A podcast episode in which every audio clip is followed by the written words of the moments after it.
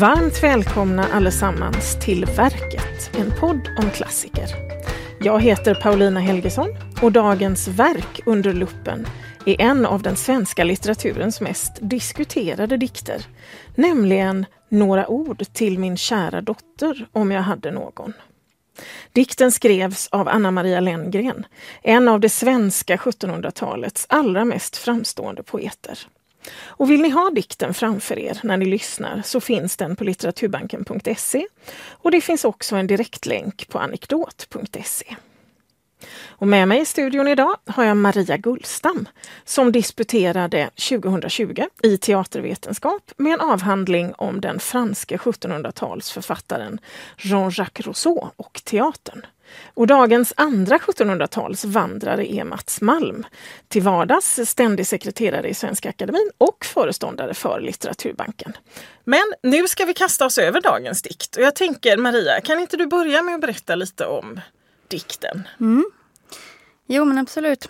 Um, man kan väl säga så här att Några ord till min kära dotter är den dikt som Lenngren idag är allra mest känd för. Eh, det är också den dikt som forskningen, forskningen har kretsat mest kring. Ehm, och man kan säga att den fångar på ett sätt den här ständiga frågan som egentligen sedan Längres egen tid har förföljt hennes författarskap. Eh, var hon ironisk eller inte när hon skrev om unga flickor som ville utbilda sig eller ägna sig åt vitter verksamhet? Några ord eh, då inleds med strofen min kära Betty, du blir stor, du från din docka hunnit växa. Utav din hulda fromma mor, tag för din framtid denna läxa. Så här ska vi alltså förstå att det, det är en lärodikt som vi har att göra med. En genre som, som ska sägas vara vanligt förekommande i Landgrens samtid. Um, och sen, så vi har då den här fiktiva modern som talar till en påhittad dotter. Och så fortsätter hon sen då i strof eh, 2 till 6 med att berätta om hur Betty i allmänhet ska förhålla sig till världen eh, för att få ett framgångsrikt liv. Eh, och här då i sjätte strofen så introduceras visheten, eh, vilket blir upptakten till eh, stroferna 7 och 11 som behandlar kvinnors utbildning. Och här så återfinns två av de kanske vassaste och mest citerade stroferna. Med läsning öd ej tiden bort, vårt kön så föga det behöver. Och skall du läsa, gör det kort, att såsen ej må fräsa över. Mm. Och vidare, även eh, en lärdig stubb, det är ett rön. Satirens udd ej undanslipper och vitterheten hos vårt kön bör höra blott till våra nipper. Um, sen så fortsätter det och då i strof 12 till 16 så får vi läsa om en, hur en äkta husmoder ska förhålla sig till hemmet och till sysslorna. Eh, och eh, även om eh, hur hon bör klä sig. Se denna mor i huslig krets som vet sitt sanna kall bevaka fullt med en ärelust till freds att vara värdig mor, mor och maka.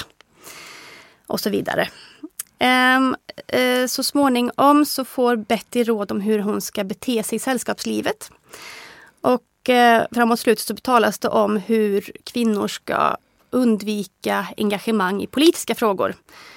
Försiktigt även undanvik all brydsam forskning i Gazetten. Vårt hushåll är vår republik, vår politik är toaletten.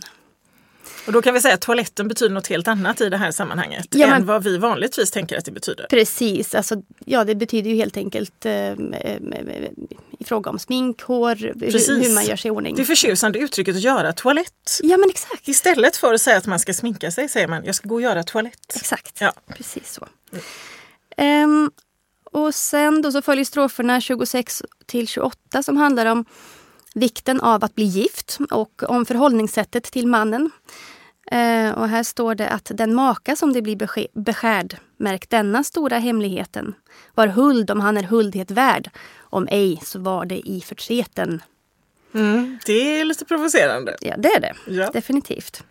Um, och sen så avslutar vi med då att uh, ja, modern säger till Betty att uh, njut av livet men försaka inte livets plikter. Och eh, så småningom, nu har min lilla läxa slut och till min sömn jag går tillbaka. Ehm, och man kan väl säga det att Några ord till min kära dotter har lästs Å ena sidan då både som Lenngrens allvarligt menade personliga utsaga. Eh, å andra sidan så har det lästs som eh, uppenbart ironiskt. Eh, och sen finns det andra forskare som ja, någonstans nöjer sig med att konstatera att dikten kanske inte faktiskt tar ställning i kvinnofrågan utan att den snarare uppvisar ett ämne som läsaren själv får bilda sig en uppfattning om. Nu när vi har hört vad Lenngren skriver i den här omdiskuterade dikten så vore det ju bra att veta lite om Anna Maria Lenngren själv. Vet vi vem hon var? Går det att veta vem hon var? Vem hon var går att veta Ja. ganska bra. Kanske inte vad hon Nej. skrev däremot. Vad för hon att var. hon skrev ju väldigt mycket anonymt. Mm. Och eh, det väl rätt så typiskt. Hon hade tur helt enkelt. Eh, hennes pappa var professor i Uppsala och en eh, som glödande själ på något vis. Och eh, lät henne få utbildning och bildning på ett sätt som ju väldigt få kvinnor hade en chans till. Samtidigt så fick hon förmodligen inte den här eh, eh, gamla traditionella bildningen riktigt så att hon har ju ingenting av det här eh, lärda poeteriet som ju annars eh, florerar i samtiden heller utan hon utvecklar någonting helt eget. Hon började med en del översättningar och lyckades ta sig framåt ganska bra och så efterhand så började hon skriva riktigt mycket dikter och eh, ja, vad, vad är det hon har? Hon har en, eh, en satirisk skarp blick som ändå är öm och varm i regel. En otrolig förmåga att fånga situationer och scener. Agneta Pleijel eh, liknade henne vid en reporter och ehm, i det så är hon faktiskt ganska lik den andra stora från den här tiden, Bellman. Eh, de har en enastående förmåga att fånga en scen, en dialog, en replik och eh, framställa det på ett helt eget sätt. Lenngren, eh, hon gifte sig med ett blivande kommersråd, Karl Peter Lenngren, som han var ansvarig utgivare för Stockholmsposten Stockholms-Posten och där ju Kjellgren Källgren, Johan Henrik Källgren var det stora namnet får man säga. Och eh, Lenngren har ju, skrev också mycket där och har alltid kommit i skuggan en hel del av Källgren. Eh, hon eh, skrev de sista decennierna på 1700-talet men sen eh, efter 1800 kom nästan ingenting mer. Hon publicerade ju aldrig heller någon samlade skrifter utan den kom, eh, hon dog eh, 1817 och 1819 så, så kom den första utgåvan. Den kan man ha en del synpunkter på men eh, det var väldigt typiskt. Alltså anspråkslöshet var ett ord som hon var tvungen att förhålla sig till hela tiden. Mm. Ja, Spännande. Jag känner att det finns mycket som vi kan få anledning att komma tillbaka till här. Men jag tycker vi läser lite till så alla som lyssnar får någon slags känsla för hur det kan låta. Och jag tänker Mats, du kan börja. Så tycker jag du börjar med den här eh, lite, lite provocerande strofen om det här med läsning. Jag tror det är nummer sex. Stämmer det? Eller är det möjligen nummer sju? Nej. Nummer sju. Nummer sju med läsning och så vidare. Med läsning öda i tiden bort, vårt kön så föga det behöver.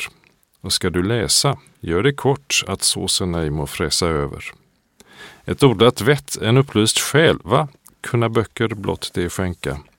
Mitt barn, studera världen väl, den ger dig ämnen nog att tänka. Var människa, Betty, är en bok, lär dig att fatta rätt dess värde och minns att oftast av en tok den vise någon visdom lärde. Ja, alltså det låter ju å andra sidan ganska klokt får man ju säga, bortsett från det här med, med läsning öda i tiden bort. Eh, men, och då tänker jag Maria, kan du fortsätta med de tre nästa absolut. stroferna? Men om lekturen roar dig väl i förädling av ditt väsen lät den då blygsamt röja sig, men ej i tonen av beläsen. En lärd i stubb, det är ett rön, satirens udd ej undanslipper och vitterheten hos vårt kön bör höra blott till våra nipper.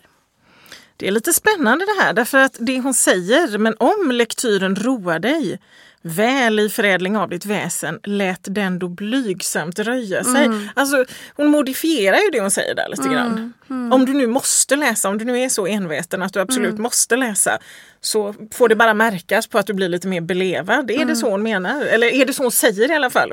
Vi ska inte gå in på vad hon menar än. Nej precis, det, är så svårt. Det, är, det är det här som är så svårt att säga. För att alltså, någonting som, som Lenngren har gjort sig känd för är ju verkligen att, att eh, hon skötte hemmet till punkt och pricka och, och eh, var den här perfekta husmodern. Mm. Och samt att hon aldrig visade sina skrivtyg. Ingen såg henne sitta med sina böcker. Men ändå så hade hon, hon gick, det finns någon slags fantasibild av henne att hon går runt där i hemmet och, och, och, och ja, författar sina, sina vassa eh, rader i huvudet liksom Mm. mellan att hon serverar eh, lite te. När eh, man då gav ut hennes dikter så skrev ju eh, Nils von Rosenstein som var ständig sekreterare i akademin vid den tiden att eh, ja, den här dikten det var hennes egen levnadsregel och han talade mycket om att hon minsann aldrig ville att någon skulle tro att hon var lärd eller kunde någonting egentligen utan att hon, hon umgicks helst med kvinnor för att smälta in i mängden. Samtidigt som man ju vet att han, han var faktiskt eh, nära vän till henne tillsammans med några andra akademiledamöter som var stormförtjusta. Det var ju faktiskt en period eh, som eh, akademin var liksom nerstängd. Ja, vi kan ju säga så här att dagens stora fråga med stora bokstäver i början på varje ord här är ju egentligen om var Anna Maria Lenngren ironisk eller menade hon vad hon sa? Och, eh, men vi ska hålla er på halster lite till. Vi är inte riktigt där än. För jag tänker Maria, det vore jättebra om du kunde säga någonting om Lenngrens alltså författarkarriär fram till att hon skriver den här dikten. Den här dikten skrivs 1700 eller rätt sagt så här, den trycks 1798 i Stockholms-Posten, stämmer det? Mm. Men det var inte så att hon började sin eh, bana med den. Hur såg det ut för henne, lite kort, fram till 1798? Mm. Ja, alltså hon började ju sin litterära karriär med att, att eh, översätta eh, ett antal operor, tre stycken närmare bestämt. Ehm, så att när hon var, och det här uppdraget fick hon av kungahuset när hon bara var 22 år gammal. Och det här är fortfarande oklart hur hon kom att få detta uppdraget. Det är ganska spännande för då bodde hon ju fortfarande hemma i Uppsala och sådär. Um, det känns nästan lite sådär, lite wow-faktor Ja, ja, där. men 22 år verkligen. gammal, bor hemma. Ja, ja. 1700 och då var det här Precis. 1770 någonting kanske. Ja, det här var alltså 76. Ah. Eh, och då hade hon ju alltså, jag tror det var 74 eller 75 som hon hade publicerat sina första alster i Vad nytt var nytt. Eh, Bland annat Tekonseljen som också är en väldigt känd dikt. Eh, ja, det var 75. Eh, och ehm, eh, sen då så 76 i alla fall och så översätter hon eh, Gretry och Marmontels eh, Lucille eh, till svenska. Och detta blir då den första svenska eh, den, den första operakomik som sätts upp på svenska. Mm. Vad är operakomik? Vad ska man säga, en lite lättare, lättsammare form av opera. Det är blandat eh, sång och tal. Eh, så det är lätt att, eh, ja, det ska vara lätt att ta till sig kan man väl säga. Eh, och, och lite lättsamt. Jo, så efter sjut- eh, 1776 då så eh, gör hon ytterligare några operaöversättningar. Ehm, och ehm, s- framåt slutet av 70-talet eh, och början på 80-talet där så gifter hon sig alltså då med Carl Peter Lenngren. Eh, och eh, ganska sn- ja, flyttade till Stockholm då såklart. Eh, och började skriva för Stockholms-Posten. Och eh, så vitt vi vet då så har hon ju ändå publicerat framförallt anonymt. Det där är lite olika åsikter om ändå. För att det, å ena sidan så säger man att ja, det, och det är ju sant, hon, hon publicerade anonymt. Samtidigt så gjorde hon, hon blev ju känd relativt snabbt ändå. Så att vissa säger att åtminstone kultureliten ska ha kunnat liksom känna igen hennes eh, skrifter. Men ja, jag, jag vågar inte riktigt uttala mig. Kan det ha haft någon slags eh, koppling? Att hon blir liksom Lenngren? Hon gifter sig och blir fru och att hon börjar publicera anonymt? En förflugen tanke. Ja, det håller att göra också med, eh, med eh, arten av eh, dikter Mm. naturligtvis. Hon går över nu till satiriska saker av ett helt annat slag ändå. Men det är ju klart att hon var känd. Eh, en annan akademiledamot, eh, eh, Leopold, han, han har vi ett brev från fortfarande till Rosenstein, sekreteraren, där han frågar är det så att vi inte kan välja in en kvinna i akademin? Och det där eh, verkar de ha tänkt på en del. De eh, gjorde en minnespenning efter, över henne efter att hon hade dött trots att det stod uttryckligen att eh, sådana minnespenningar fick bara göras över män. Så de, de var ju helt klara över vad hon gjorde. Men samtidigt så fanns det ju en, eh, alltså det var en hård, hårda år där i slutet av 1700-talet. Det fanns ju idéer då, eller hon var nära en del akademiledamöter. Hon syntes ibland på sammankomsterna där, högtidssammankomsterna.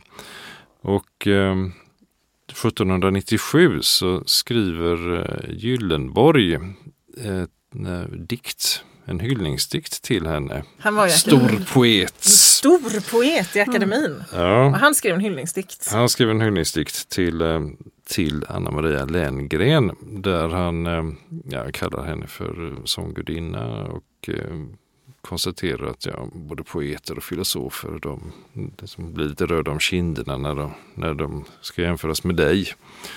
Han tycker att hon har både som, skarp sinne och eh, poetisk förmåga på något sätt. Det här kommer i slutet av 1797. Han läser upp den här på Akademins högtidssammankomst i december. Aha.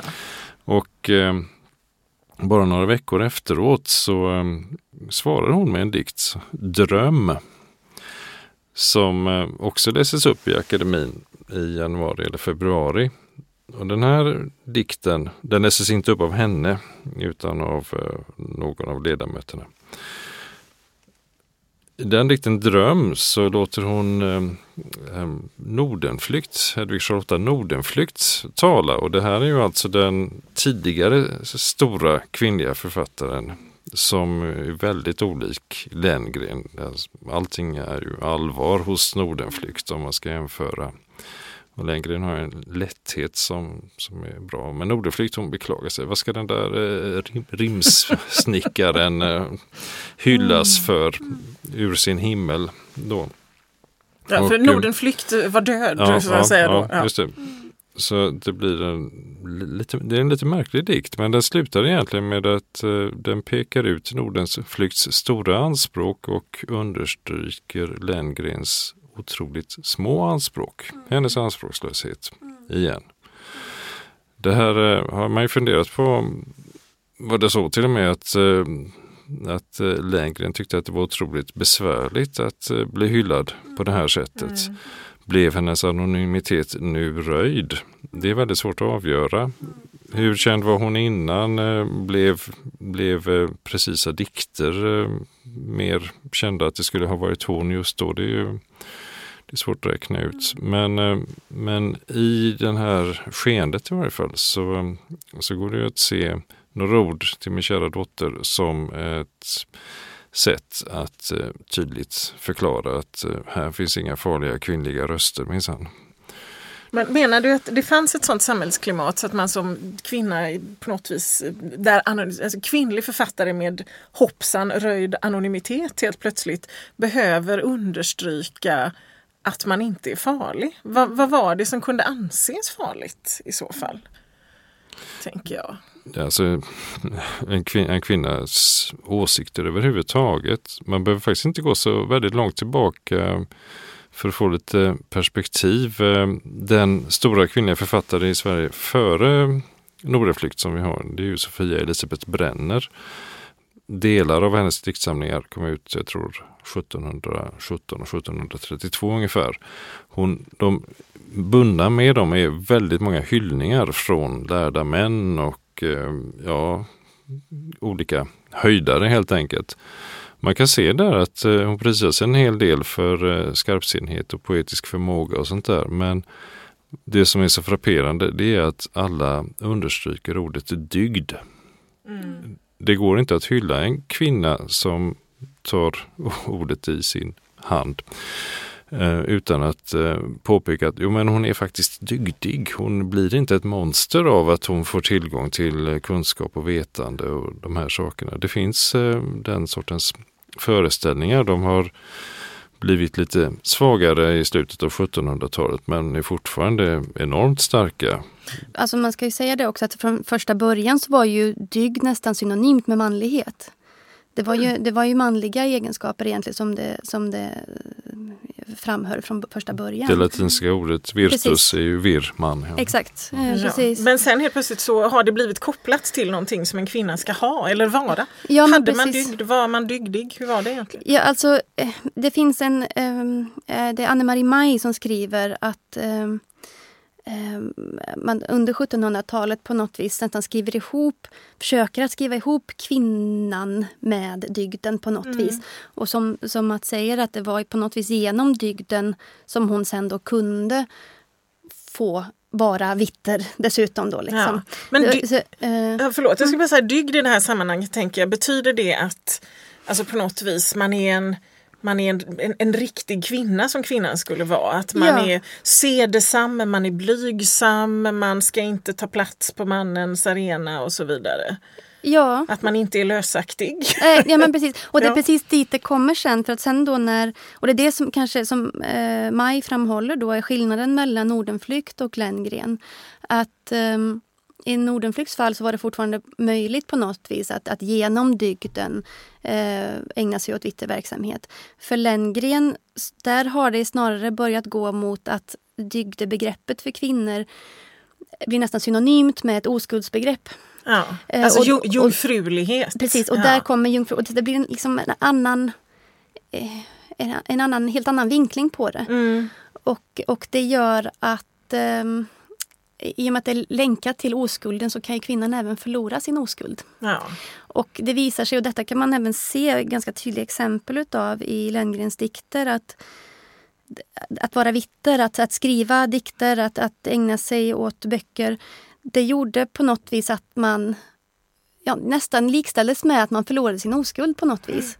Ja. Moralisk förtappelse. Det Mm. finns ju en sån, ja, man definierar om dygd så som man har nytta av det hela Mm. tiden. Från eh, manligt och praktiskt. Att vara dygdig nu det är ju inte att vara manlig eller Nej, karaktig nej, eller sådär alls. nej. Utan att det är snarare att vara samhällsnyttig. Mm. Man, man är helt enkelt så som Mm, mm, mm. samhället menar att man behöver Precis. vara. Vi hör ju här nu hur Lenngren i då Några ord till min kära dotter predikar någonting som hon själv inte levde upp till. Och det är ju det som, på, eftersom hon själv, hon var ju en vitter kvinna. Hon hade både utbildning och sen en eh, om en anonym karriär som ägnades åt författande. Och det är ju det här som på något vis föder frågan.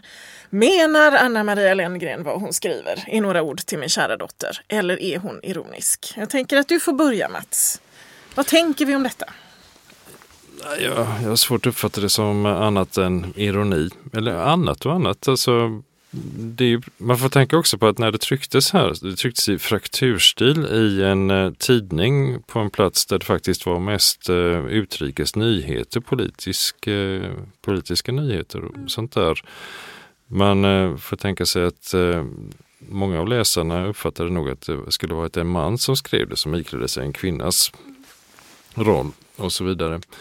Och eh, alla läsarna läste den ju definitivt inte ironisk, men den är ju så elegant undanglidande hela tiden. Och eh, när man försöker bedöma om den är ironisk eller inte, eller jag tror att den är ironisk, men på vilket sätt är den ironisk? Eller hur ironisk är den? Är det självklart att den är ironisk? Tja, den har faktiskt ändrats genom historien på ganska små subtila sätt. När den eh, trycktes i, eh, i Stockholmsposten första gången så, så är den väldigt logiskt uppbyggd och det ser man på interpunktionen. En sån ointressant i regel sak som interpunktionen. Det är Alltså, två, två rader. punkter, punkt, punkt, komma, komma, skiljetecken. Ja. Alltså det är två rader och så är det semikolon som visar att nu kommer en logisk slutsats av det här och så är det punkt. Det är nästan alltid så hela tiden, väldigt resonerande helt enkelt. Men om vi läser den i en populär utgåva idag, då är den helt fullsprängd med utropstecken, pauser, punkt, punkt, punkt, tankstreck, allt sånt där som gör, visar att den som talar nästan stannar upp av häpnad inför det personen själv säger. pekar ut det för läsaren också.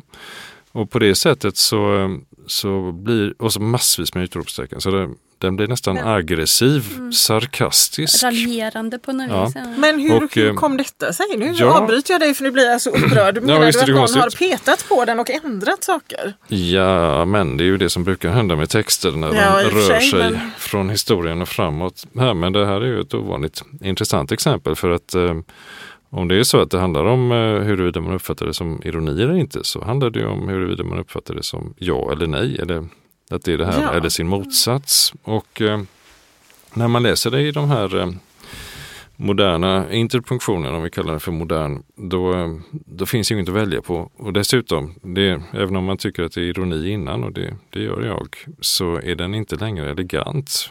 Det Men är vem- en klumpig ironi. Vem petade på den? Eller Ja, liksom när ja, och men- var och hur skedde detta? Ja, det har faktiskt också att göra med eh, föreställningen om den ideala kvinnan. Ja, det är väldigt mycket som har att göra med föreställningen om ja, den men- ideala ja, men- ja, kvinnan. det det. Eh, Det kommer ganska många upplagor av, eh, av hennes diktsamling som, som fick titeln Skaldeförsök eh, av hennes man när han gav ut den efter hennes död. Och eh, upplaga efter upplaga eh, fram på 1850-talet så kom det en ny utgivare, eh, Johan Karlén. Han, eh, han utvidgade urvalet och eh, har en ganska stor inledning där han beskriver ungefär vad han har gjort. Han säger att ja, nu får ni en bredare bild av det här. Så säger han att eh, han har inte gjort några ändringar eller sådär. Det enda han har gjort är att han har eh, korrigerat interpunktionen. Korrigerat. Korrigerat, Hoppsan. den var ju fel innan. Så att han har han slängt in eh, eh, dussintals med utropstecken, pauser, punkt, punkt, punkt eller tankstreck och sånt där. Och fått det att låta rätt. Enligt hans föreställningar om hur en kvinna, naturlig, känslosam, äkta, omtänksam, varm, talar, låter. Mm. Nu blir man faktiskt lite upprörd, känner jag. Mm. Ja, man kan konstatera att eh, Carléns fru, Emily Flygare Carlén, hon eh, skrev ju romaner precis vid samma tid här och eh, använde också det här eh, typografiska känslospråket kan man säga. Mycket tankstreck och sånt där. Mm, Stor förändring i, i litteraturen helt enkelt. Men med det här så stöper han in henne i sin eh, idealkvinnoform. Då ska man konstatera att eh, i hans föreställningsvärld så, så kan hon inte vara ironisk. Det jag, tror, undrar, Nej, jag, klart. jag undrar om det är Attebom någon gång som har sagt att liksom, ironi ligger inte för kvinnan ens. Det är ju då tidigare. Men, men eh, när han eh, sätter in all den här interpunktionen och sånt där så är det ju för att markera den känslosamma, omtänksamma kvinnan. Som verkligen framställer de här råden på allvar. Men så, så går det 100-150 år till och när vi läser de här känslomättade uttrycket så kan vi inte vi uppfatta det som annat än ironiskt. Mm. Men egentligen, vilket ju är lite hårresande, så kan man ju säga så här att svaret på frågan är Anna Maria Lenngren ironisk eller inte?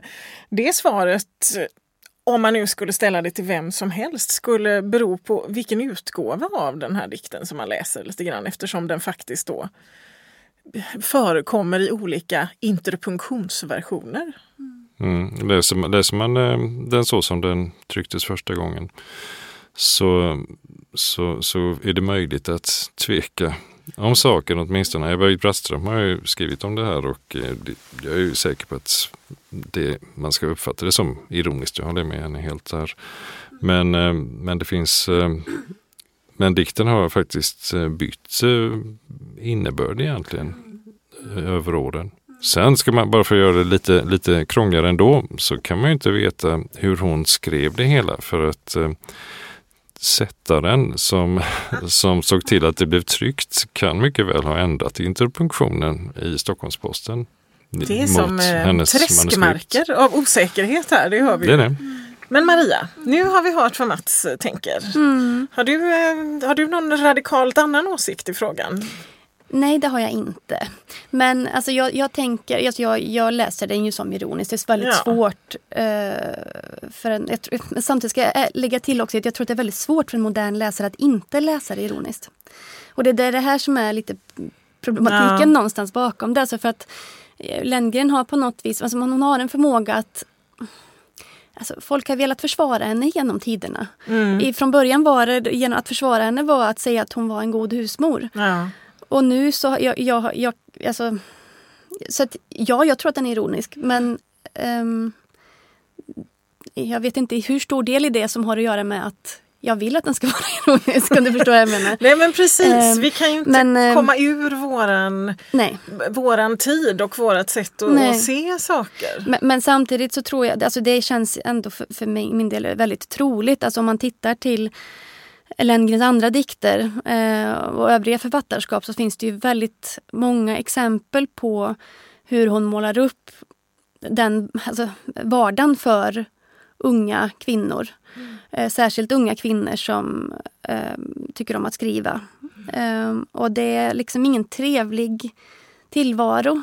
Kan ironin, i några ord till min kära dotter, vara en slags ironi över ett samhällstillstånd? Ja, eller en, en, en röst som raljerar över äldre kvinnors synsätt på en kvinnas tillvaro. Mm. Eh, Daniela Selén har skrivit om, om just Lenngren som rolldiktare och, och um, och det är klart att det ligger väldigt mycket i det. Att det är inte Lenngrens egen röst som vi ska läsa Nej. in här. Även om många av hennes tidiga kritiker kallade henne för Bettys mord och så vidare. Ja. Um, men, men, men jag tror att um, alltså det finns ju några exempel från hennes uh, tidiga år som författare. Dels då när hon um, faktiskt är förordet till Lucille, då hennes första mm. operaöversättning.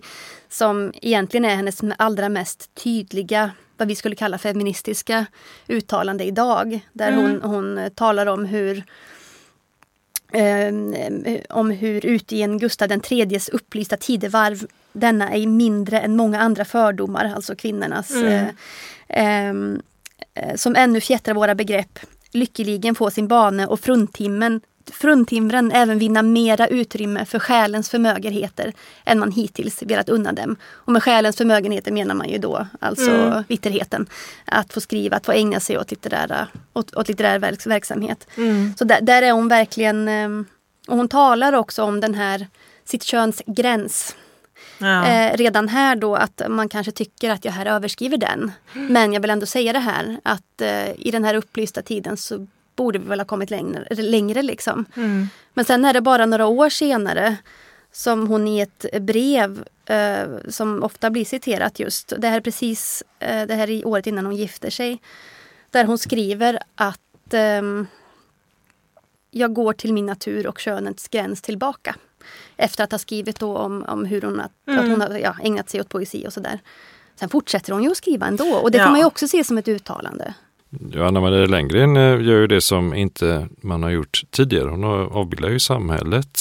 Det går tillbaka till Olof von Dalin förmodligen med det svenska Argus på 30-talet som hade etablerat eh, ett samtalsutrymme egentligen för eh, borgarna där man plötsligt kunde granska överheten och ställa ut den, diskutera den, skratta åt den, hänga ut den Lenngren, Hon gör ju det så mycket mer elegant och det är liksom satiren som är redskapet. Det här är ju en samhällstillvändhet i poesin som inte har existerat heller tidigare och det är ju det som gör att hon inte kan låta bli att vara anonym förmodligen. Men, eh, men eh, hela, hela idén med allt det här det är ju att ställa fram ett utsnitt av samhället för övervägande och betraktande. Och eh, det är precis det hon gör här också.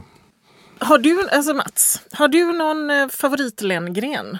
Alltså jag tänker, är några ord till min kära dotter din favoritlängren? Eller har du någon annan? När är hon som bäst? Det som jag gillar med den här det är ju att den är så elegant undanglidande. Mm.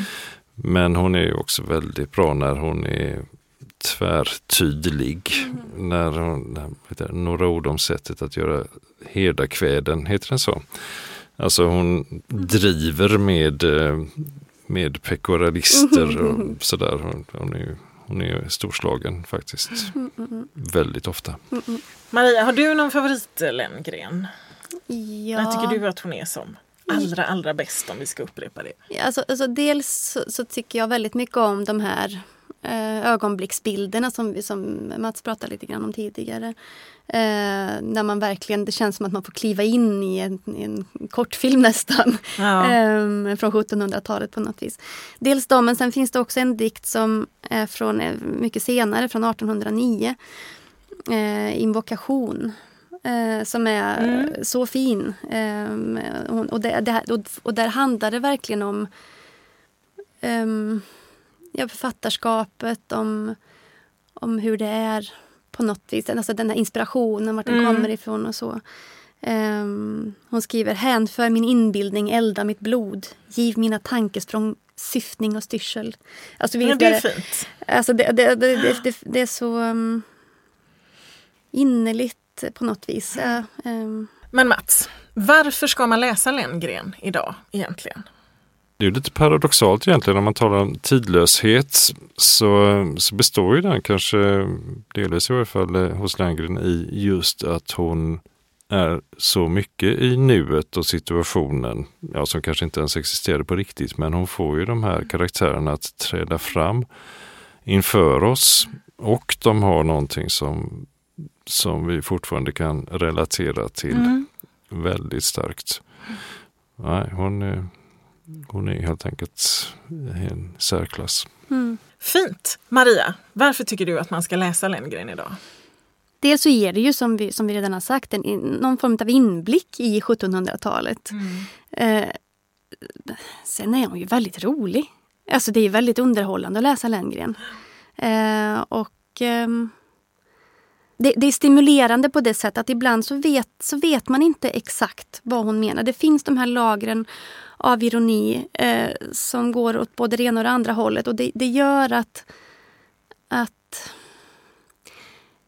det finns någonting där som, som, man får leta efter, som man får, får hitta och, det, och det, det ger ett perspektiv som jag tycker som även kan spegla dagen eh, och dagens problematik i samhället eh, kring kvinnofrågan och, och så vidare.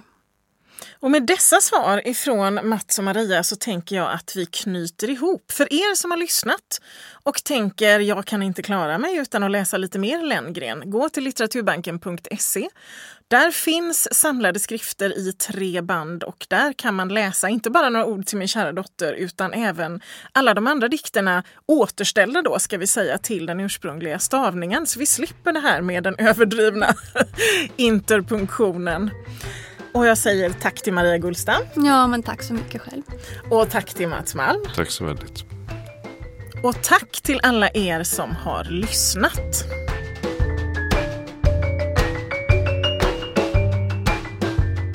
Du har lyssnat på Verket, en podd om klassiker, producerad av bildningsmagasinet Anekdot i samarbete med Nationalmuseum och Litteraturbanken. Alla avsnitt samt fler poddar, filmer och essäer hittar du på anekdot.se.